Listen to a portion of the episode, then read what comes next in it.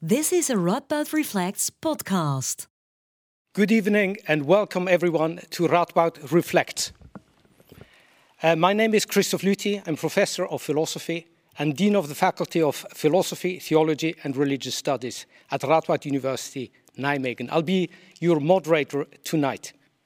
We are really, really delighted to have Professor Michael Sandel in our midst this evening. Professor Sandel is professor of philosophy, political philosophy at Harvard University and is without doubt one of the most renowned, visible, and influential political philosophers of our time.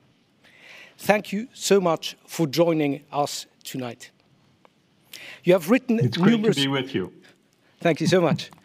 You've written numerous books on the most vexing moral and civic uh, questions of our time.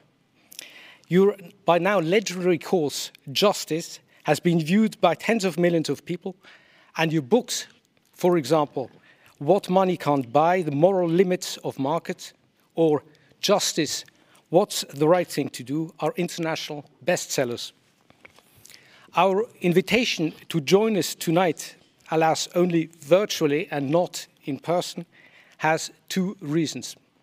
The more immediate reason is, of course, your latest book, the Tyranny of Merit, which has recently come out in Dutch trans translation under the title De Tirannie van Verdienste over de toekomst van de democratie. The more general reason is that we as Radboud University recognize, recognize ourselves in the series of standpoints that you've taken over the years and in ideals that you promote. We feel as it were a set of concerns that we as a teaching and research institution and you, as an academic and public intellectual, share. And this is why and our is Rector why Magnificus, our Professor Han van Krieken, is here to give you a special welcome. Please. Welcome, dear Michael Sandel. I feel very fortunate to have you here for this discussion this evening. Uh, as rector of Radboud University, it's a special feeling since our university started 98 years ago as part of the Catholic emancipation movement. At that time, Catholics felt that through education they could gain a place in the public life in the Netherlands, which was, until that time, not so much possible. Of course, nowadays it's not the Catholics anymore that need further emancipation, at least not in the Netherlands, but other groups.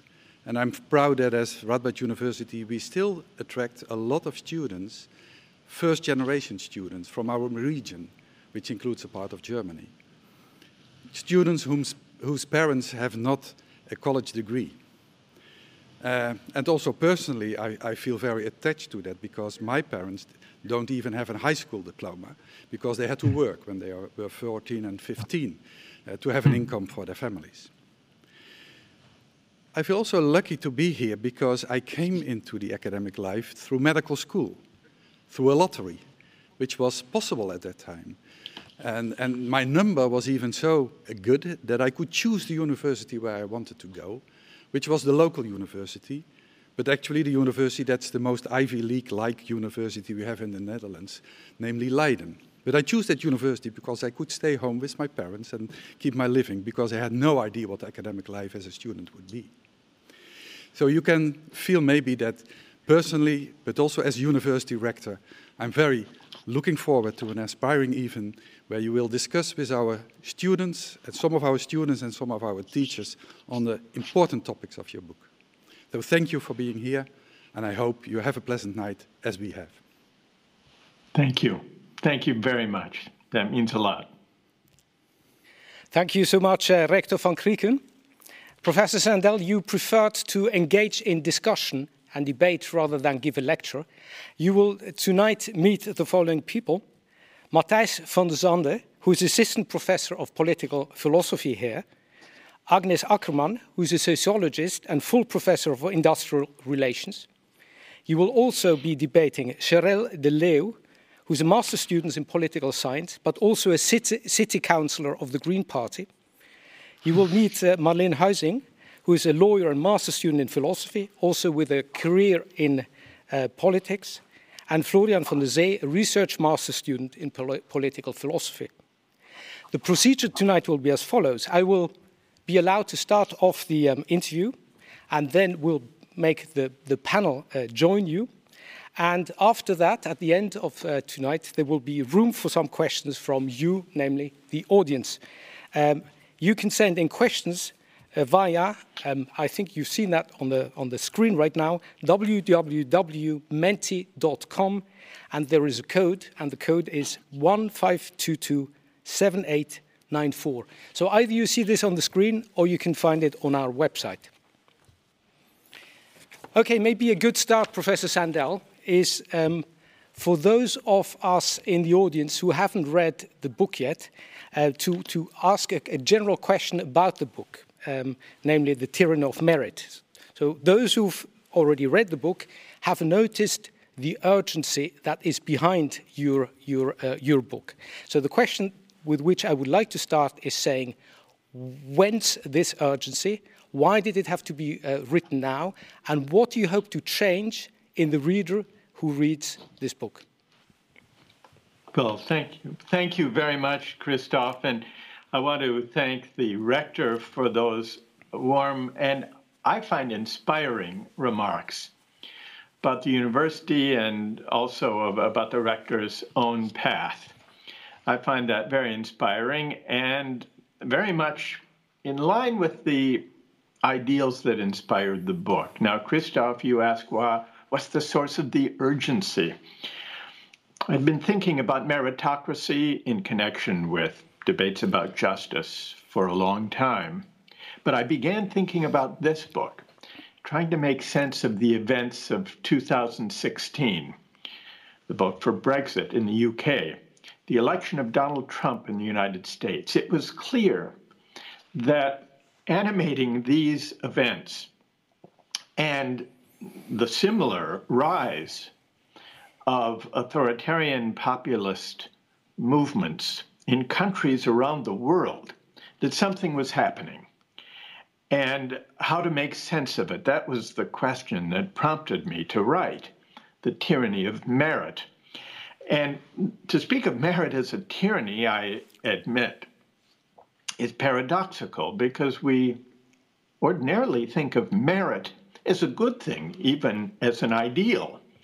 If I need surgery, I want a well qualified surgeon to perform it. So, merit as such is a good thing. And yet, meritocracy over the last four decades has turned toxic. And the book tries to explain why, and perhaps we can get into this as our conversation unfolds, Christoph.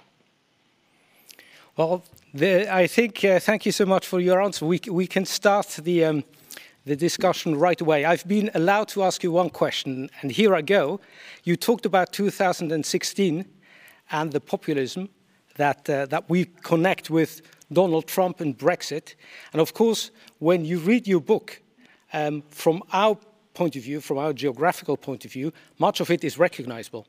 It's recognizable for two reasons. One is that we've all been watching, of course, this baffling four year period of Donald Trump, and we've all been following, of course, Brexit and its equally long four year period that it took to, uh, to, to come to an end, or to at least come to a resolution. And we also have our own populists here and the, the, a similar kind of anti meritocratic uh, uh, rhetoric. At the same time, however, um, there's also a sense when one reads your book where that, that there's also a sense that this is a particularly American story. Um, uh, having lived in the United States myself for seven years, I thought at the time that I lived there that maybe the greatest lie about the meritocratic promise from rags to riches was not so much uh, college admission, but much more uh, the kind of education you got at, at elementary school and high school. And I'm thinking now of a fact that if you're from a, a continental European country, you find completely unforgivable, namely that um, schools are being paid um, through property tax. So if you happen to be uh, from a poor district, a kid per year might only be, get $5,000 worth of education. If you're from a particularly rich um, uh, district, you might have as much as $40,000 invested in you per, per year. So the, the, the, the, playing field seems to be skewed from the very, very beginning. Um, now, when you speak about Trump and Brexit, one thinks, yes, the same thing is true for, the, for England. I mean, that is a particularly uneven educational system, although for different reasons. So if I can turn this into a question, the question would be, and that's a typical question from a kind of citizen of a social democratic welfare state of the, the type that you find in Scandinavia and in some parts of, of Western Europe, might it not be the case that the anger you, you describe at the educated elites is strongest in those countries where the school system is at its most skewed? And that you can avoid the takeover of these resentments by investing in good schools for everyone from the very beginning. I'm, I'm, certainly in favor of investing in good schools from the beginning. And you're certainly right, Christoph, that the system of school finance, primary and secondary school finance in the United States, is particularly backward and unprogressive because of the, uh, the way in which uh, poor schools are underfunded. So there is no question that this is a problem. It's a source of injustice and it uh, deepens inequality and it makes social mobility more difficult. From all of these points of view, it's a bad system. Now, uh, and I can see how it would seem especially shocking uh, looking from a social democratic welfare state, which is more generous, more developed than that that prevails in the United States. So I agree with the premise of your question. I, I would, I'm not sure I would agree entirely to the suggestion, and perhaps you didn't intend this, Christoph, as a suggestion, that the social democratic welfare states of Europe are exempt from the tyranny of merit.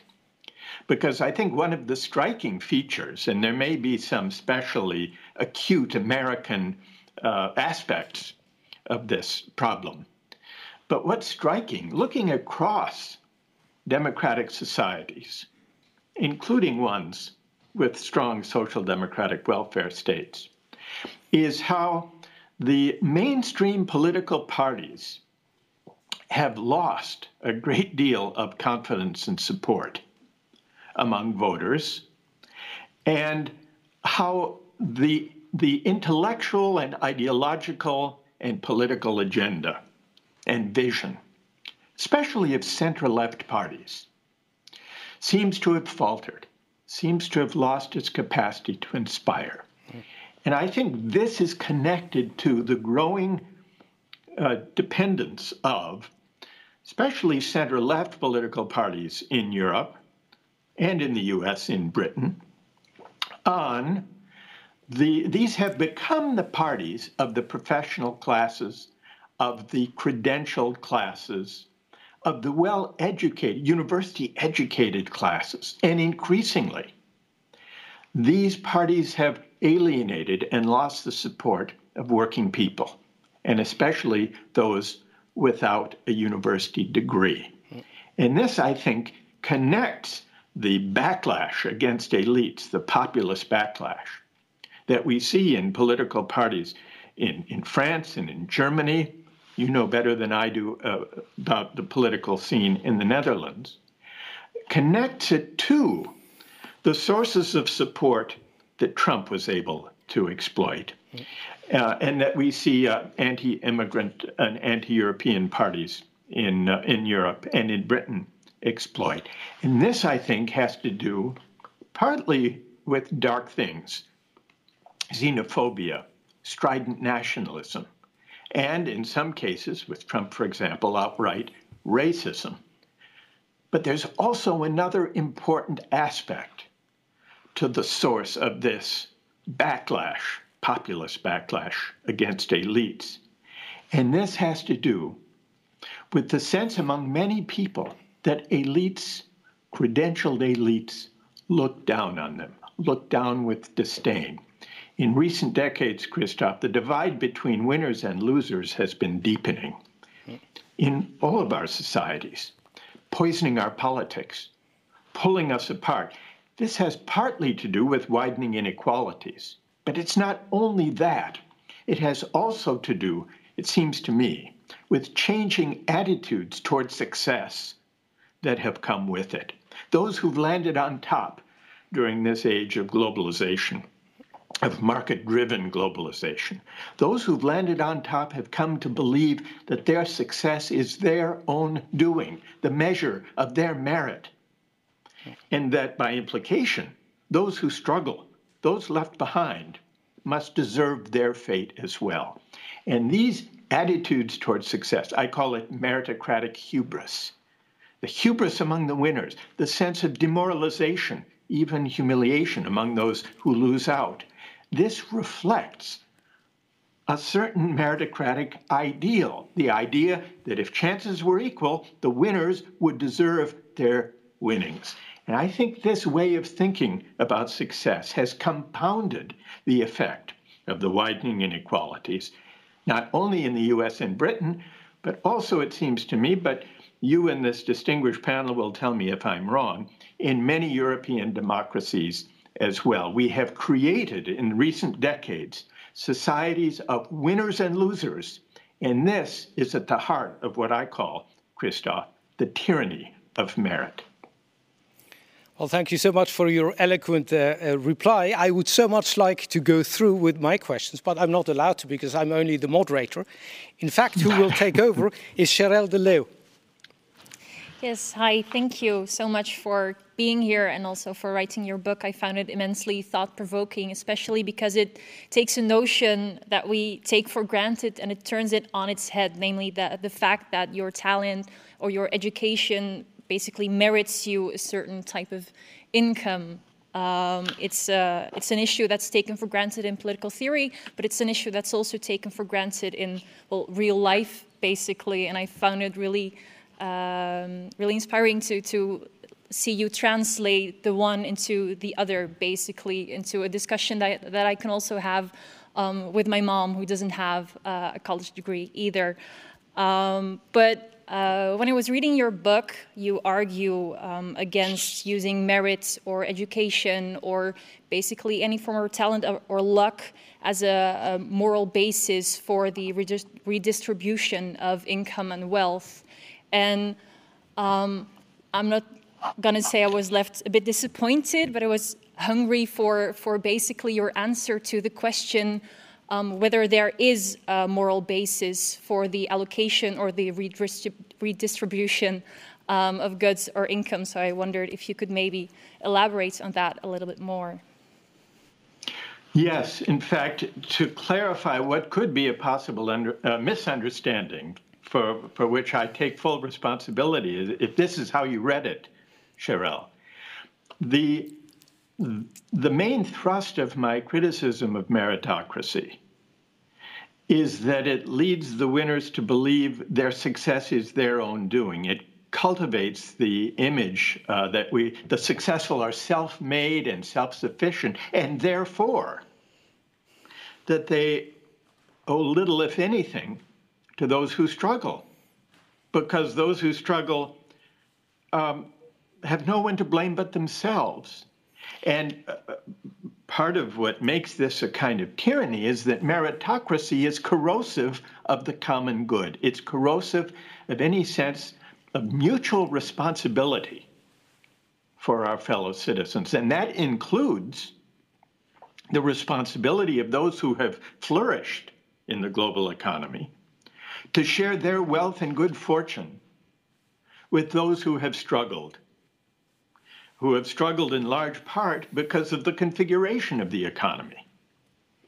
And so uh, the redistribution of the winnings, or rather the sharing of the winnings, with everyone, with the entire society, is precisely a part of the politics of the common good that I am uh, arguing for and I think the only, uh, the, the only way we can begin to argue it, uh, for this more generous conception of the common good and the responsibility of the, the, of the winners to share their winnings with those who haven't flourished in the new economy.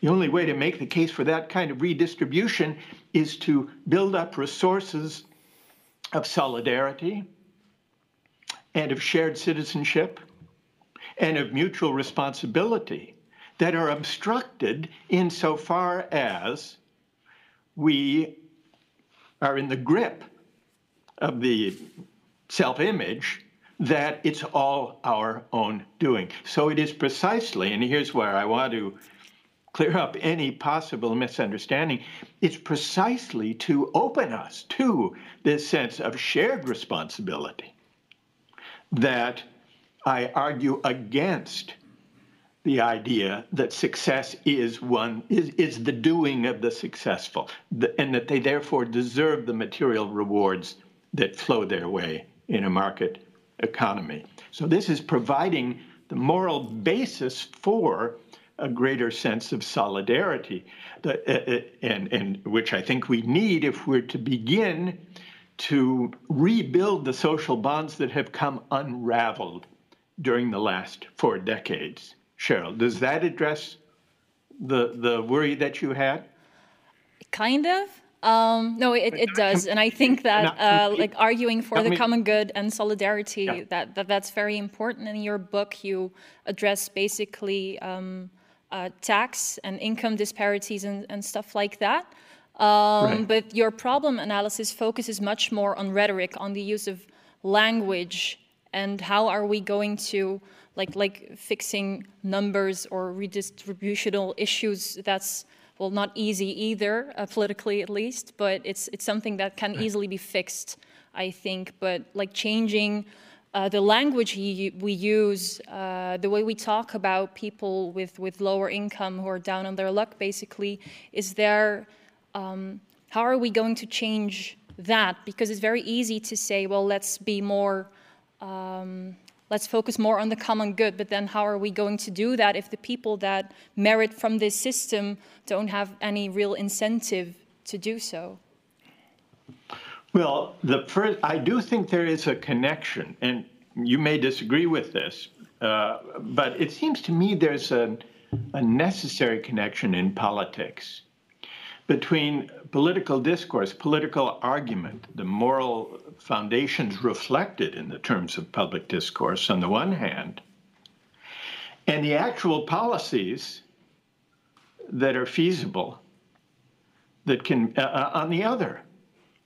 Because we need a certain way of conceiving our common life and our shared citizenship if we're even to to begin to reconfigure the economy in a way that honors our commonality.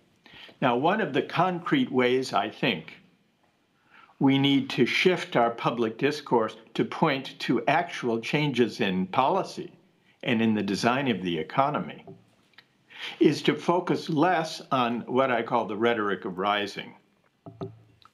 During the last three, four decades, mainstream politicians across the political spectrum, center right and center left alike, have addressed the widening inequality of globalization not by dealing with it directly, by reconfiguring the economy, but instead by making an offer to those who suffered from the inequality, who suffered from wage stagnation and job loss, by, by offering them the following if you want to compete and win in the global economy, go to university, get a degree. What you earn will depend on what you learn. You can make it if you try. All of the emphasis was in dealing with inequality and wage stagnation by telling workers, go better yourself, get a degree. Now, I'm all in favor of expanding access to higher education. That's a good thing for its own sake. But it's a mistake to assume or to frame a whole political project around the idea that the way to respond to inequality and wage stagnation is to tell workers they're not well educated enough and they, as individuals, should try to better themselves.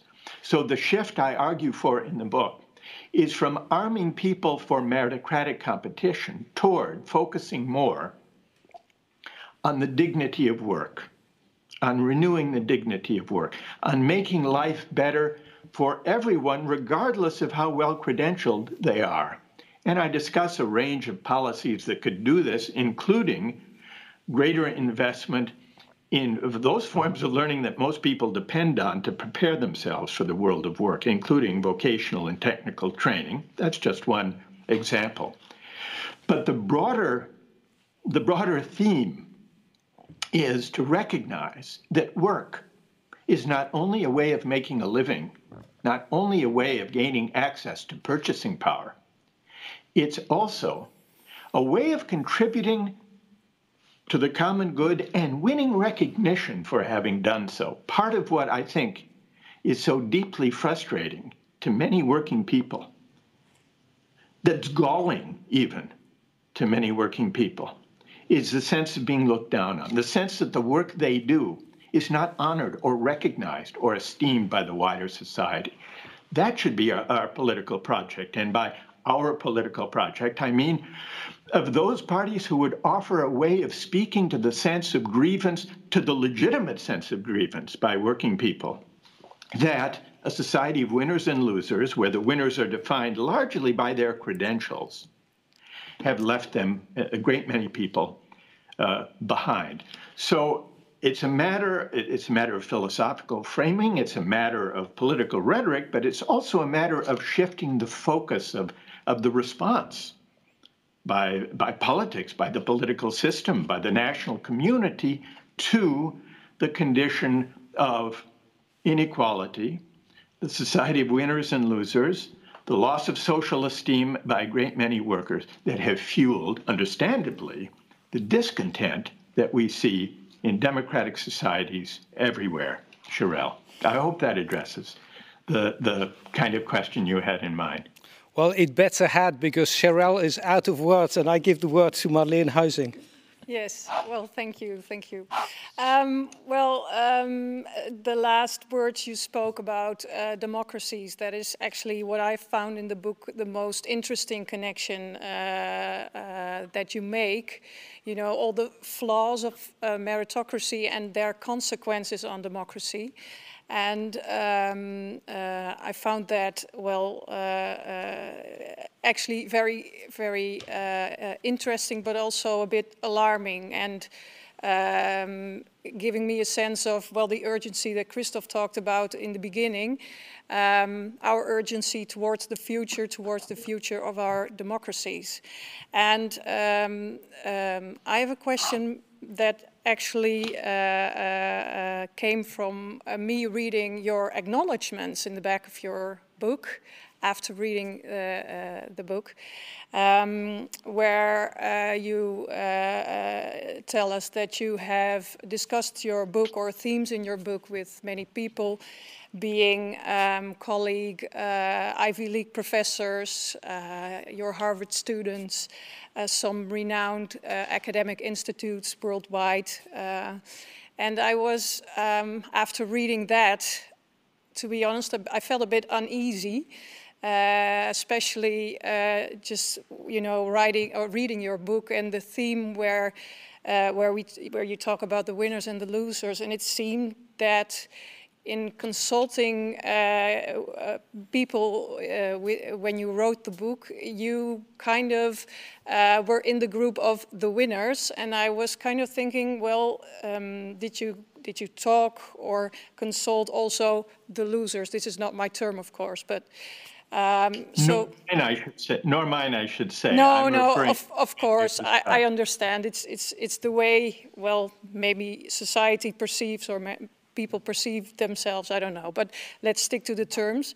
So I was wondering, first of all, did you talk to or consult in writing this book uh, um, the losers and maybe a, an even broader or, or more general uh, thought uh, when we talk about the future of democracy, we, well, you yourself just uh, talked about political parties, uh, representation, um, but maybe even in political philosophy, like you yourself and all of us here, um, there is uh, hardly any representation of well, let's say again, the losers of society. And um, to me, that feels like a problem because, well, different standpoints uh, um, um, are needed. I think. We, I mean, we see that in the philosophy of science also to get a, a broader idea of the problem and also of the analysis and the solution. So I feel we have um, a focus on.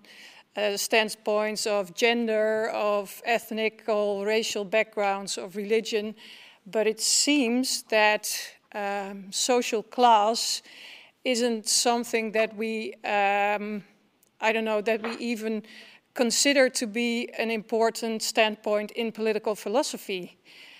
Right now, we are, and we are uh, thankful for it, but we are discussing uh, with you, a Harvard professor, and we read and uh, uh discuss all the theories of you and your colleagues. So what are your thoughts on that? Is there a blank spot in all of our worlds right now? Well, I think the issue of representation, which you've identified, is of central importance to this challenge.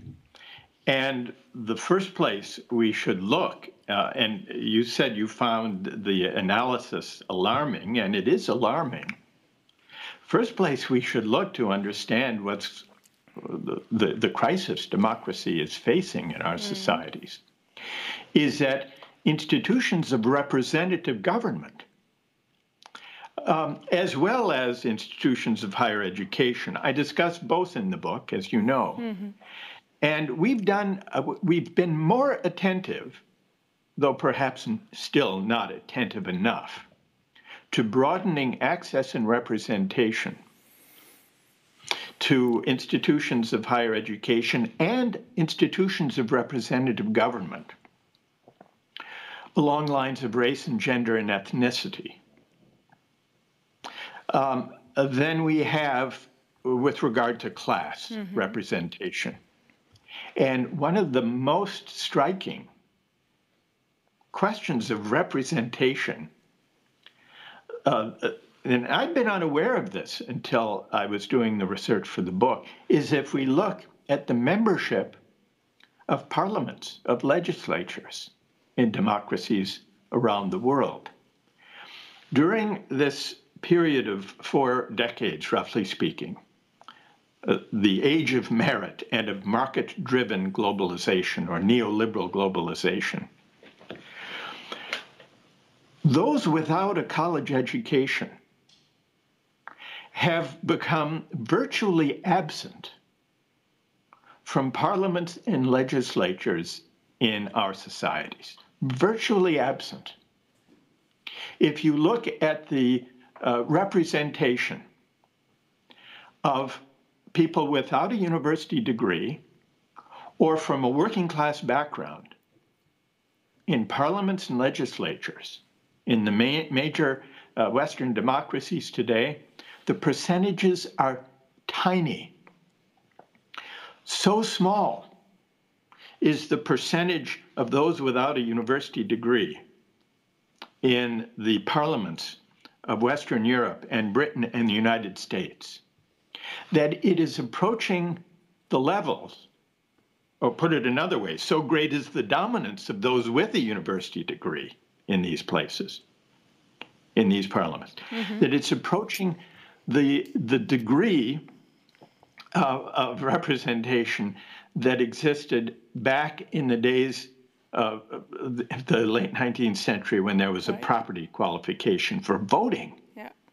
And then when universal suffrage came in, there was a substantial increase in the 20th century in representation of working people and those without university credentials in parliaments. But by the 1990s and 2000s, it's, it's in, in terms of representation almost as if we're back in the days before universal suffrage. And we take this for granted. What's striking, what's alarming, to borrow your term, Marlene, is there's very little debate about this. This is especially striking if we recognize, which those of us who spend our time in the company of the credentialed can forget. Most people in our societies do not have a four year uh, or a three year university degree. The majority do not. In the United States, nearly two thirds do not have a four year university degree. And in most Western European countries, I don't know the exact, perhaps you will know the exact figure in the Netherlands, the majority of people do not have a university degree. And yet, almost, almost all representatives elected to parliaments do. Right. And this, I think, requires attention. It's not been, this issue has not been at the forefront of the populist complaint against elites, but it's a symbol of how, despite our emphasis on broadening access and diversity with regard to race and gender and ethnicity, all of which are very important, we have not done the same for class or educational background. And so perhaps it's no surprise that the sense of disempowerment and alienation and exclusion has begun to run so deep that many working people resent mainstream parties dominated by credentialed elites and are letting it be known, often in dangerous ways, fueling undesirable, uh, dangerous, alarming uh, right wing populist political parties and movements. So I think any attempt to deal with the tyranny of merit has to has to be more alive than we have been to the educational and class background of uh, representative institutions, not only in government but also, and perhaps we'll come to this, in higher education. Right, because well, I think we recognize your uh, your plea uh, very much so. Right now in Holland there are uh, elections, and I wrote an article that I think less than 1% of the people that are probably being elected uh, have do not have a higher degree. So, I mean, this is a very true point also in our society. But I was kind of uh, trying to look at ourselves like the political philosophers or political philosophy in general.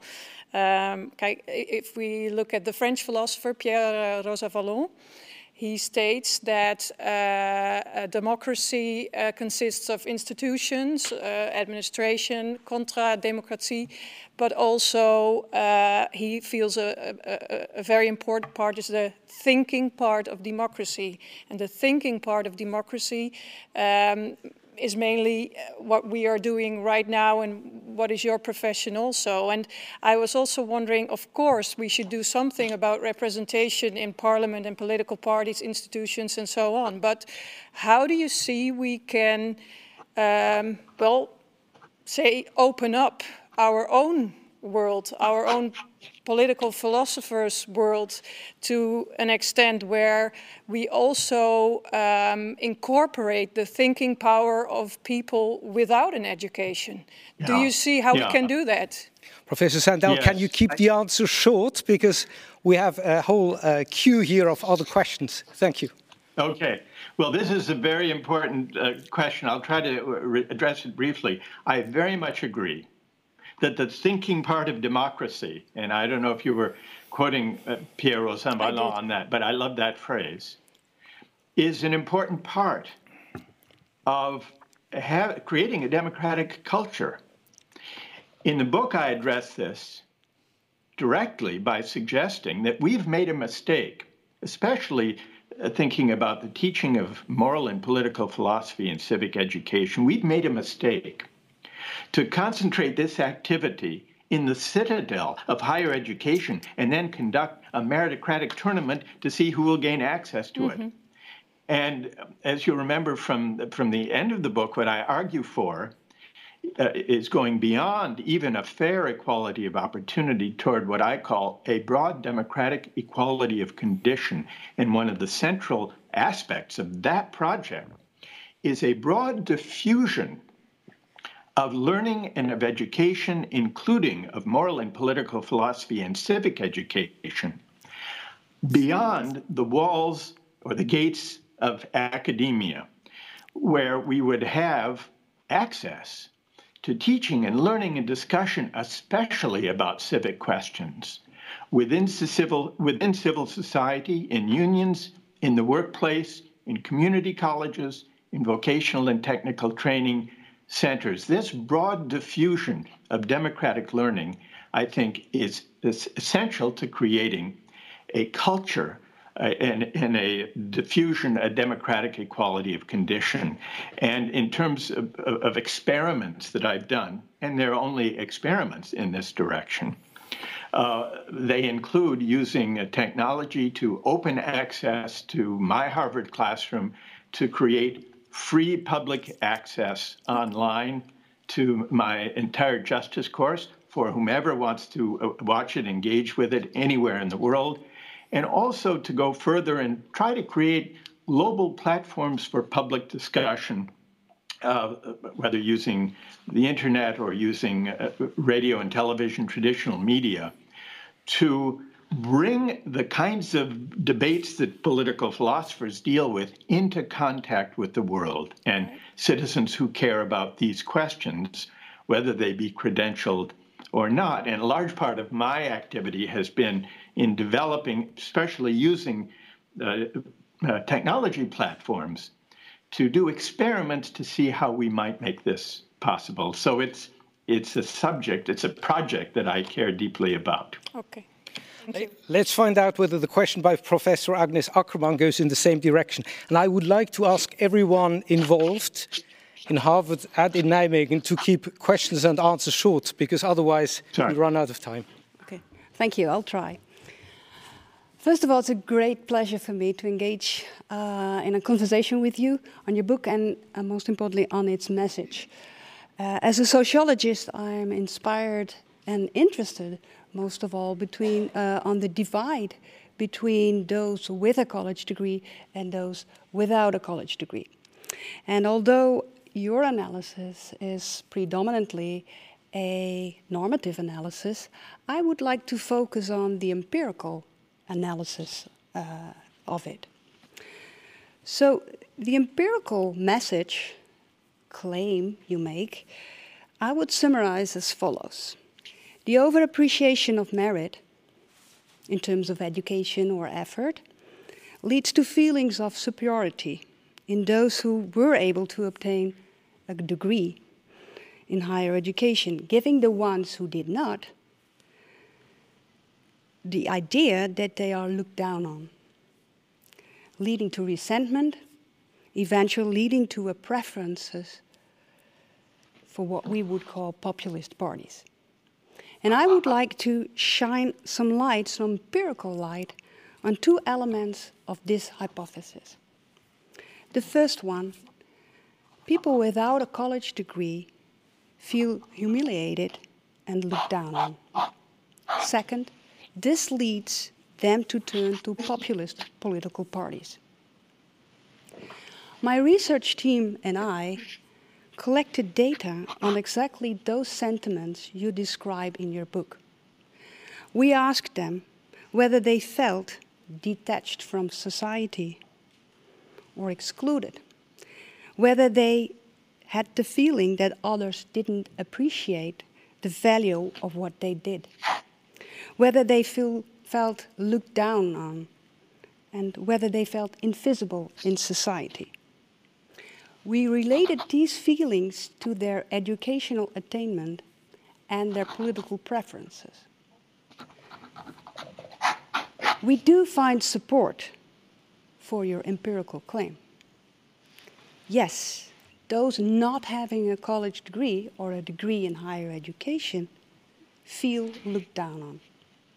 And yes, these feelings correlate with a higher preference for populist political parties, also in the Netherlands.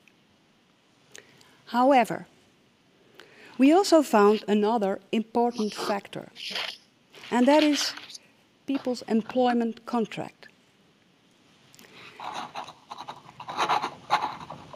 which is also correlate, which also correlates with these sentiments, these feelings of being feeling humiliated.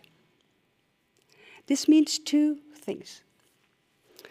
First, and it, they did, it does relate regardless their educational attainment. So this means two things. First of all, of the people without a college degree, in particular those in unsecure labor, suffer these feelings of being looked down upon or feeling left out and detached from society. Second, also people with a degree in higher education feel humiliated and looked down upon if they work in unsecure labor employment. These findings raise two questions in me. First, can your analysis help to interpret or explain this finding? Is this just another consequence, a feature of meritocracy, or something else? And second, a more practical question would reorganizing the labor market institutions, such as employment protection legislation, not be an easier or even maybe a sufficient solution to the problem than changing the perceived relation between the elite and the working class, which cannot be enforced and would take at least one generation, if not more. Well, it's fascinating your, the studies that you've done, and uh, I would like to read them. Uh, I'd be fascinated to read them, and perhaps afterwards you, you could share with me some of the references, or I, I will look them up. Uh, this is fascinating to me, uh, including the last part you mentioned about insecure labor, which is going to matter more and more in the gig economy, where more and more workers are working at jobs that are not under a regular employment contract. As to your question about wh- how I would interpret this and whether it's in line with my general account, I think it is through the notion of the dignity of work, which I argue has been eroded, and that the erosion of the dignity of work, I think, has been a big part of the, the grievances and sense of disempowerment. And it's easy to see the connection between insecure labor contracts um, and people feeling uh, that their work is not dignified or appreciated or honored or respected.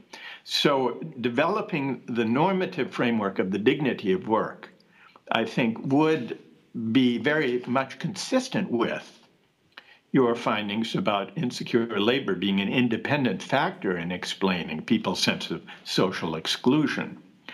Whether fixing that through regulation of the empl- of employment contracts would be a sufficient response to the sense among many working people or non-college educated workers their sense of exclusion and disempowerment. I, I think it would be an important step, but I don't think it would be sufficient. A very important step and very worthwhile, but I would not see it as a separate uh, measure from calling into question the relation between well credentialed elites and the, the and, and the working class. The reason is, first, even to get those uh, regulatory reforms of the labor contract, I think we have to uh, call into question the sharp divide between credentialed elites who feel entitled and who look down upon um, working people without a university degree because it's going to be difficult to build this political support, even to to establish regulatory uh, response to insecure labor, without making people aware of that divide and the important to, importance of overcoming it. Then, uh, the reason I think it's an important step, but not a sufficient step, is that we have to reward work properly, both in financial terms, but also, I think, in terms of honor and esteem and dignity.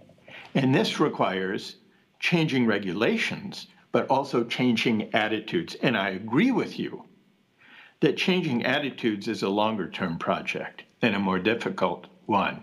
So I would say let's go for both. Let's institute such regulatory reforms of the labor uh, uh, of labor that we can, and I would say also strengthen unions to give workers voice, which is also an important part of dignity.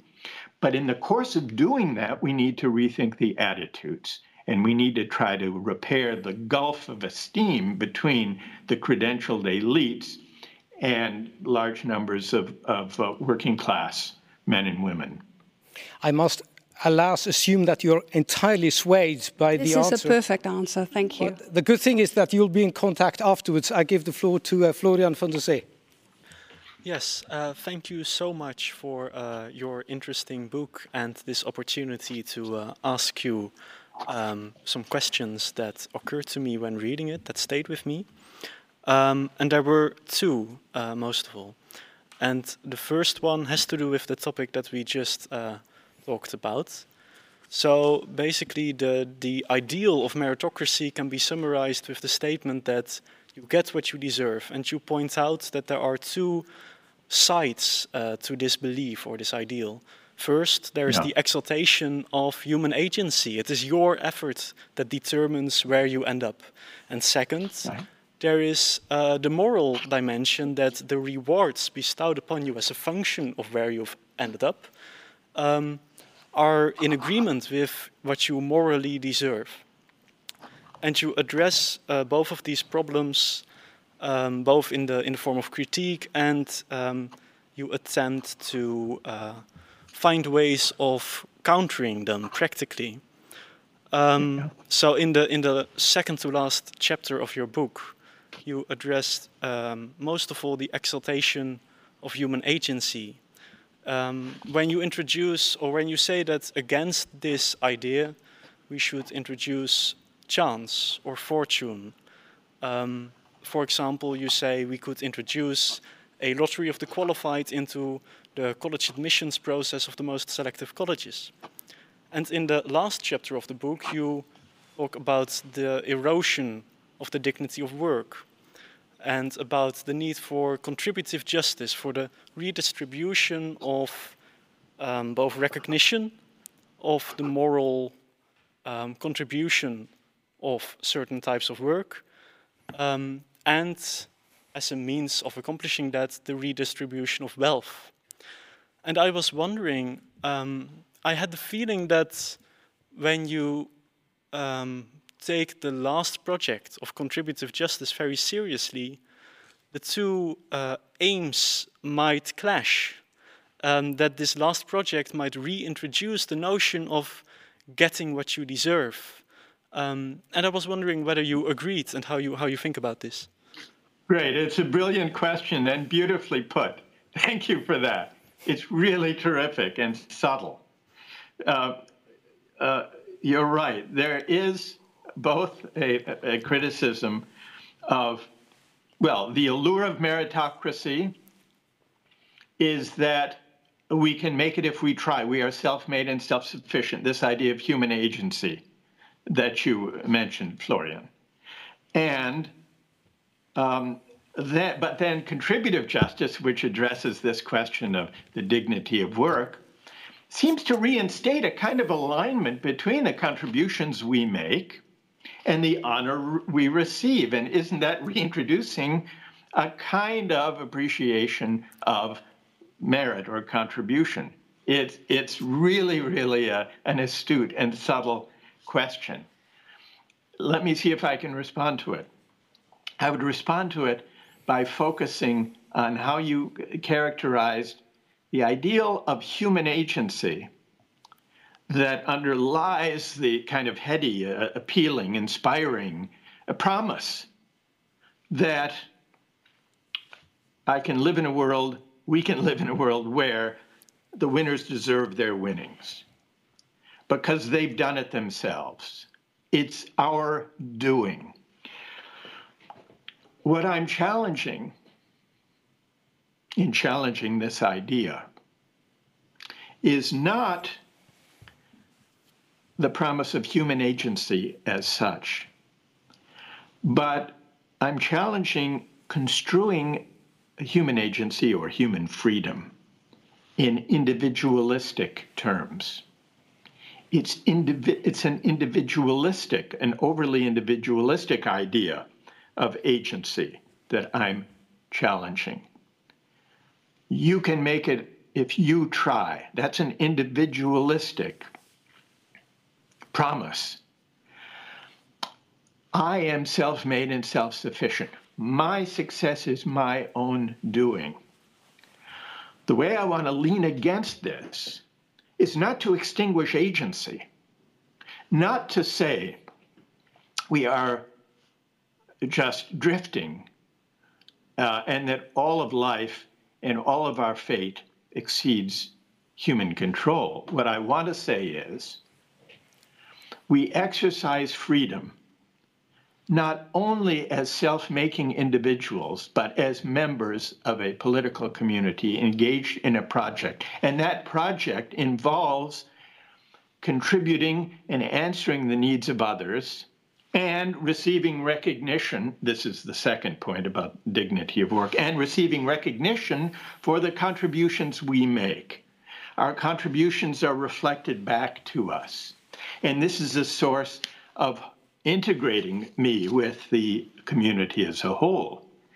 And when a scheme of contributive justice is intact, we have a society of mutual recognition and mutual dependence. So the idea that we are mutually dependent is at odds with the first idea of individual agency. My success is my own doing.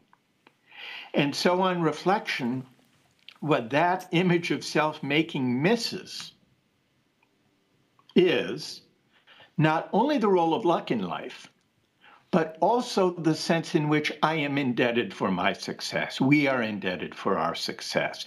And to begin to reflect on the sources of our, of our debt, as well as the sources of our luck and good fortune, we, our attention is redirected toward the economy and the society as a scheme of mutual contribution and recognition. And it's this ultimately that tempers or constrains, Florian, this individualistic notion of agency that is embodied in the meritocratic ideal and in the winners and losers and in the forgetting of luck and indebtedness. So I, I, I would not extinguish agency. I would have us reconstruct it as a kind of collective understanding of agency. We are we can be participants in shaping our fate provided we do it together in community with fellow citizens whom we understand as equals and whom we recognize through a scheme of mutual recognition. That's how uh, that's how I would address the tension that you very astutely identified. It's an individualistic notion of agency that I think is the heart of the problem. And that's why the, the, the scheme of contribution and recognition addresses it rather than undermines it. Do you, do you see what I'm proposing, Florian? Yes, yes, I do. Yes, and for fear that he will ask another astute question, I'm swinging quickly to my subtle colleague from the philosophy department, uh, uh, Matthijs van der Zande. Thank you. Thank you very much. Thank you, Professor Sandel. Um, I would like to get back to uh, some of the issues that were already uh, raised by Cherelle in the beginning of this uh, conversation, um, namely about the, the difference between, say, um, discursive change, change in public discourse on the one hand, and um, uh, institutional change on the other. And I think that's particularly important because, as, as you've uh, already stressed a couple of times, uh, this uh, tyranny of meritocracy, of course, affects the legitimacy of our democratic institutions and procedures as well. Um, so it has very strong democratic implications. Um, and it struck me, as, as, as some others have also already suggested, that uh, most of the proposals that you develop in your book seem to uh, be intended to affect the, the public discourse. Um, but if we really want to change something about the legitimacy of our democratic institutions and how it is perceived, then arguably we may also need to, some, need to do something about the structural form of these institutions and procedures. Um, now, what struck me uh, also when I read your book is that you make a case for lottery specifically in the context of education. But how I read it, perhaps I misread it, how I read it, your book, is that the educational system and the, the, the high, uh, the, the, the high rate of competition there is, at least in part, a symptom or a symbol for a, a much more widespread um, meritocratic discourse. So only one aspect of what we may call meritocracy. Yet when you talk about solutions, you only apply the solution of the lottery to the educational system. And it struck me because there is also a contemporary philosophical debate on sortition. So the use of lottery in our democratic institutions as well. Some philosophers argue now, it's quite a popular debate at the moment, argue that we should replace at least some of our representative institutions um, uh, and uh, make, uh, assemble them on the basis not of elections, but on the basis of uh, sortition, of lottery, and basically let uh, a random selection of citizens, um, we can involve a number of criteria, of course, gender, etc., but let a random selection of citizens um, make major decisions in um, legislative or uh, policy uh, debates. So my question to you would be, um, couldn't we, if we want to, if we agree with your analysis, if we share your analysis on the um, of the, the damage that this meritocracy does to our democratic institutions and its legitimacy, couldn't we propose to expand this idea of lottery to, the, to, to our democratic institutions as a whole and not only articulate an alternative political or public discourse, but also um, more radically change the way our democratic, democratic institutions are set up? Yes, yeah, yeah. It's, it's a great question. And the short answer is uh, I think it's worth exploring. And I think that uh, some versions of sortition could be compatible with and a possible response to the, the tyranny of merit with the following qualification. It's important not to see a lottery system or a system of sortition for, for, for government as an alternative to the current system understood as a system where we have the best people who are elected and therefore govern. Because a big part of the problem currently with representative government is that the people who are governing are not the most meritorious, even though they may be the most credentialed. I would distinguish between the two. I think one of the main defects in the system of representative government that we have now is first, it's highly unrepresentative in ways we discussed earlier especially with regard to class and uh, educational background. But also that, at least in my country, it's dominated by money. Uh, it's a kind there's a kind of oligarchic capture of democratic and representative institutions. So I would ideally like to radically reduce the role and influence of money in the election of representatives and part of the appeal of sortition is it would be a way of overcoming and really leaping beyond a, um, a system where money matters, where money matters more than it should, and also where credentials, especially technocratic uh, credentials, matter more than they should. So, for those reasons, it might be uh, I, I would be open to exploring various ways of bringing sortition to bear, at least in some elements of representative government. But I don't want to give up entirely on representation in democracy. I would rather criticize the role of money and oligarchic capture and try to uh, remove those uh, uh, corrupting influences. And I would rather draw attention to the credentialist prejudice. And also, I would say the technocratic civic formation of those who dominate representative institutions. I would rather put it another way. I would rather give working people a greater voice in democracy.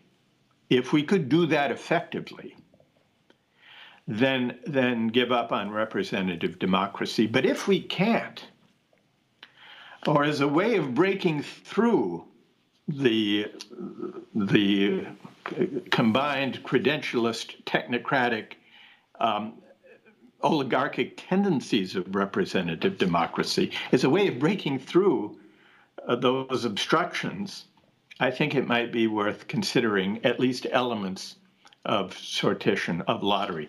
I would add one more thing. It need not only be with regard to representative institutions or parliaments or legislatures. Various forms of national public service uh, could also be a way of creating more class mixing than we currently have in civic life. And this, too, I think, could begin to reverse the tendency of those who are well credentialed and who are affluent to live separate lives and have separate interests and outlooks from those without, the, without such credentials. Yes. Yes. Well, I, I, I mean, another. I, I mean, I agree, of course. Another. My idea was rather Unfortunately, this is. Oh, I, I, thought you were inviting me to. Okay, no, thank you. no, the, the, the, the, very sad thing is, if you had come to Nijmegen, as we very much hope you will very soon, you would have had dinner with us beforehand. We would now have two and a half thousand people in the city's concert hall we would have passed around microphones. There would have been microphones and drink afterwards. So all of us could have asked more questions, and the audience would also have asked, asked lots of questions. Now, since we are in the pandemic age, I got virtually hundreds and hundreds of messages here, and you will understand that the questions I'm going to ask from the audience are a perfect mixture of merit and chance. Um, some questions are understandable, so that's a merit, um, and others just happen to lie under my eye. So I will um, cluster some of them and ask them to you. One cluster of questions we got had to do with political systems. Um, there, is a, there was a question saying, isn't meritocracy just the basic way in which you run capitalist societies? And then someone else says, well, if that is so, what about China? Hasn't China become an even um, know, more contested uh, rat race between people? Is that not even more meritocratic? And someone else says, what about Cuba? Would you prefer that?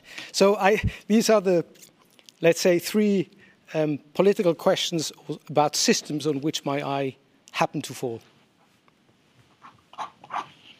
Well, let me try to address them collectively under the general heading of the relation between meritocracy and capitalism. It certainly uh, seems to be the case that the, the tyranny of merit, as I call it, the, the, the div- growing divide between winners and losers, has come about uh, during the same period of time, roughly the last four decades, and in tandem with the embrace by mainstream parties in Western democracies of a neoliberal version of capitalism. And it's come together with a kind of market faith, a faith that began in the Reagan Thatcher era, but that continued when center left parties succeeded Reagan and Thatcher. Bill Clinton in the US, Tony Blair in Britain, Gerhard Schroeder in Germany who moderated but consolidated the meritocratic faith sorry, the, the, the market faith. First, first and foremost, the market faith, the idea that market mechanisms are the primary instruments for defining and achieving the public good. But closely connected to the market faith was the meritocratic project. And the meritocratic project had the effect of reinforcing and entrenching rather than challenging the inequalities that resulted from the era of neoliberal globalization. Because it was the meritocratic project that said the winners deserve their winnings. And if you want to become a winner, get a university degree. It was the meritocratic project that addressed the deepening inequalities brought about by neoliberal globalization by saying, you can make it if you try. And that said, those who land on top deserve to be there because they've worked harder, they've acquired the credentials that the, the new economy, the global technological economy require. So I think there is a close connection between the version of capitalism that has played out in recent decades, the widening inequalities, and the meritocratic political project which has responded to those inequalities by not by un- undoing them, but by finding a, offering a rationalization for them. Now, to be sure, it's a rationalization that presupposes that everyone has an equal start. And we know that the project of giving everyone an equal start is unrealized. But uh, so I think that meritocracy and capitalism are not the same, but in the past four decades, the version of capitalism that has predominated. And the version of the meritocratic uh, project that has defined our politics have gone together. And I think we need to question both. In my earlier book, I, I wrote about the moral limits of markets. And in The Tyranny of Merit, I tried to take on the attitudes towards success that, in effect, rationalized the inequalities that came about by the era, the age of market faith. That's how I see the connection between the two. Thank you so much. I, I do hope that the people in the audience who ask these questions are satisfied. Unfortunately, you can't ask any follow, following up, follow-up questions like, like uh, us here. I, I'm going to ask two more questions, Professor Sandel. One is from a theologian who said, well, how are you going to go about persuading people to live and work for the common good? I, he adds, or she adds, as a theologian, I know how to explain that, but how do we do that in a secular age? One of the striking features of the meritocratic project, as I've called it, is that it adapts for a secular age an age old theological question. And there are striking echoes between our secular version of meritocracy and the theological origins of the debate as it was about salvation. Is salvation something we earn by doing good works?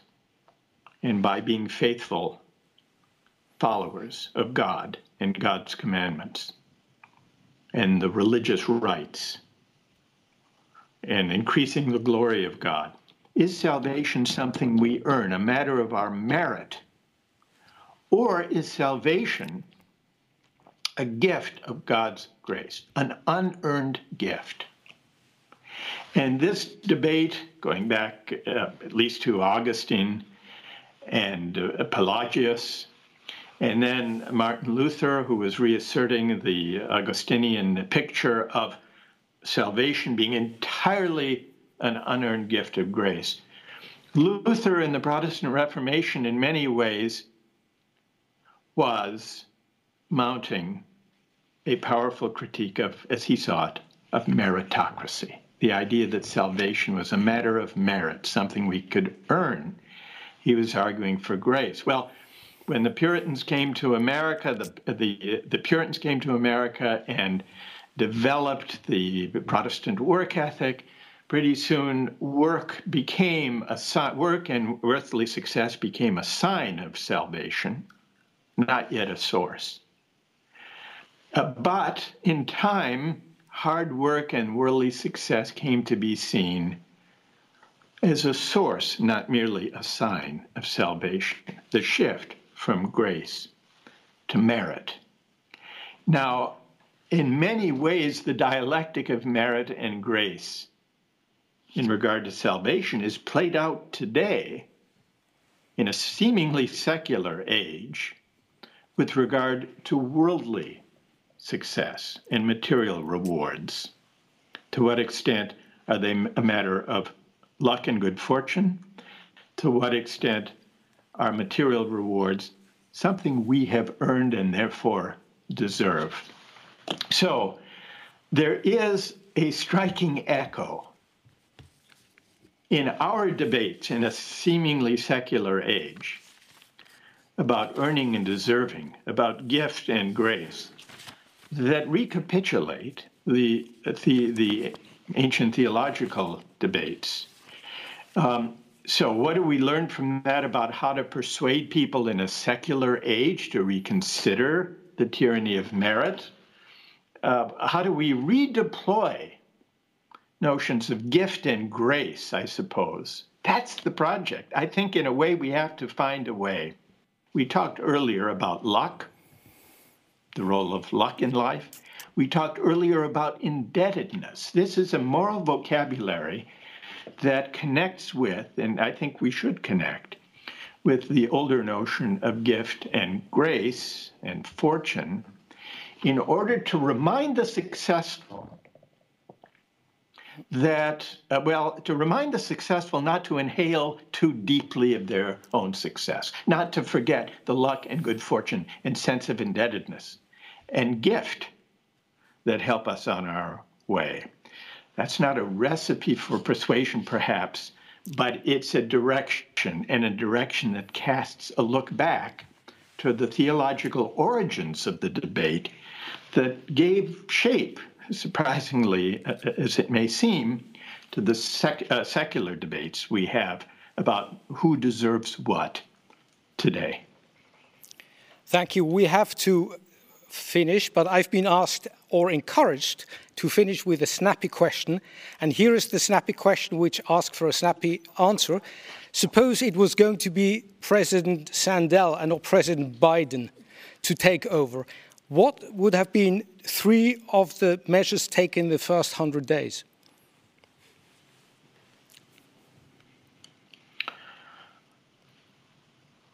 Well, I like, for the first one, I would go for the uh, relief package he just passed, $1.9 trillion, which finally help provide real help from the community. It's a kind of redistribution, to go back to the very to one of the very first questions this evening, for um, uh, poor people and uh, working class uh, people who have suffered most during the pandemic.